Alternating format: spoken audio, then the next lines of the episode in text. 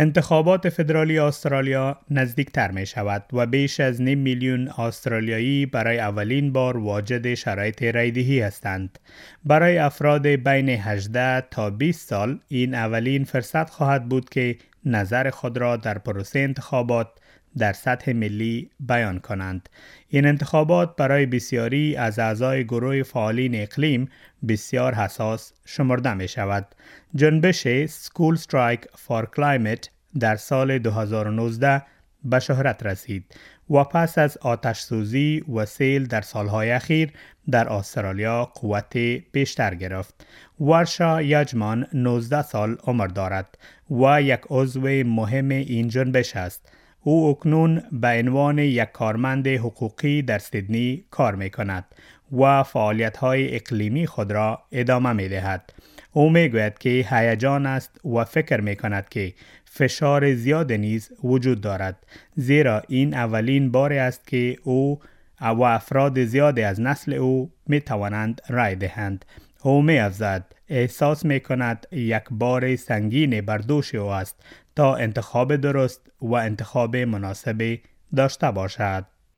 I'm really excited, um, but I think there's also a lot of pressure because it's the first time that a lot of people from my generation are able to vote, and it feels like so much of the burden is on us to make the quote unquote right choice and make the proper choice that is going to give us a safe future.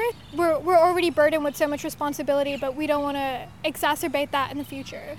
نیام اوکانر سمیت یک فعال اقلیمی است که در ملبورن سکونت دارد. او می‌گوید که سیاست های حکومت نادرست است. او می‌گوید نمی‌داند که آیندهش چگونه است و در سیاست های آنها چیزی را نمی بیند که در واقع به او در مدت طولانی کمک کند.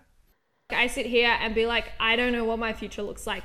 They don't represent what I want and they don't represent like what young people want. Like I don't see anything in any of their policies that is actually going to help me long term or like build community around me um, and help other young people like me, um, you know, build a future. در یک میدان تمرین بازی های فوتبال در غرب سیدنی بازیکنان هیچ موضوع انتخابات را در ذهن خود ندارند و مصروف تمرین خود هستند. یک بازیکن فوتبال می گوید تنها دو حزب سیاسی کارگر و لیبرال را می شناسد و می داند که سکات موریسن از حزب لیبرال است. I'd have to say I know Labour and Liberal. That's I'm pretty sure Scott Morrison's Liberal. Yeah, that's all I know. Yeah, to be honest.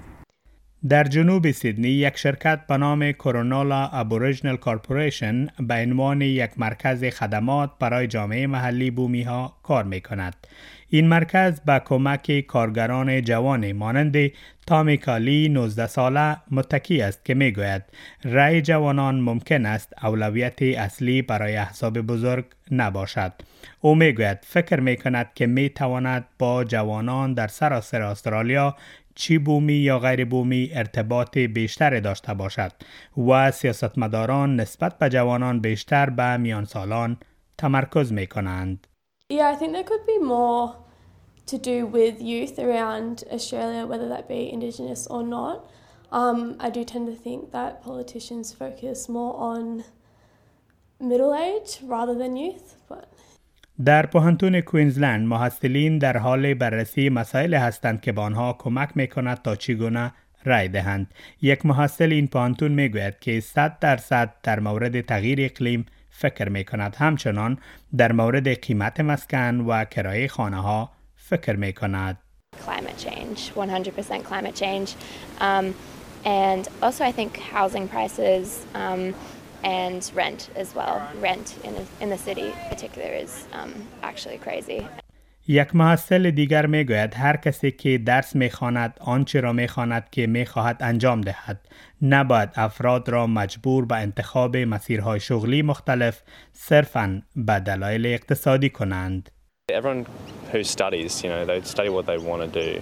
So it shouldn't be like they're kind of forcing people to choose different career paths just for like um, economic reasons. It should be, you know, study what you want to do because you don't want to live your life working a job that you hate. کمیسیون انتخابات استرالیا می‌گوید در پایان ماه فبروری بیش از 610 هزار استرالیایی در سنین 18, 19 یا 20 سال برای رای دادن ثبت نام کرده بودند. تا کنون در حدود 7 میلیون استرالیایی برای رای دادن در انتخابات فدرالی استرالیا ثبت نام کردند. کمیسیون انتخابات استرالیا انتظار دارد تا در روز انتخابات در سراسر استرالیا در هر ساعت یک میلیون رای دهنده در مراکز رایدهی موجود باشند. رایدهی برای تمام افراد واجد شرایط اجباری می باشد. انتخابات فدرالی استرالیا معمولا در هر سه سال یک بار برگزار می شود که شامل انتخاب اعضای مجلس نمایندگان و نیم از اعضای مجلس سنا می شود.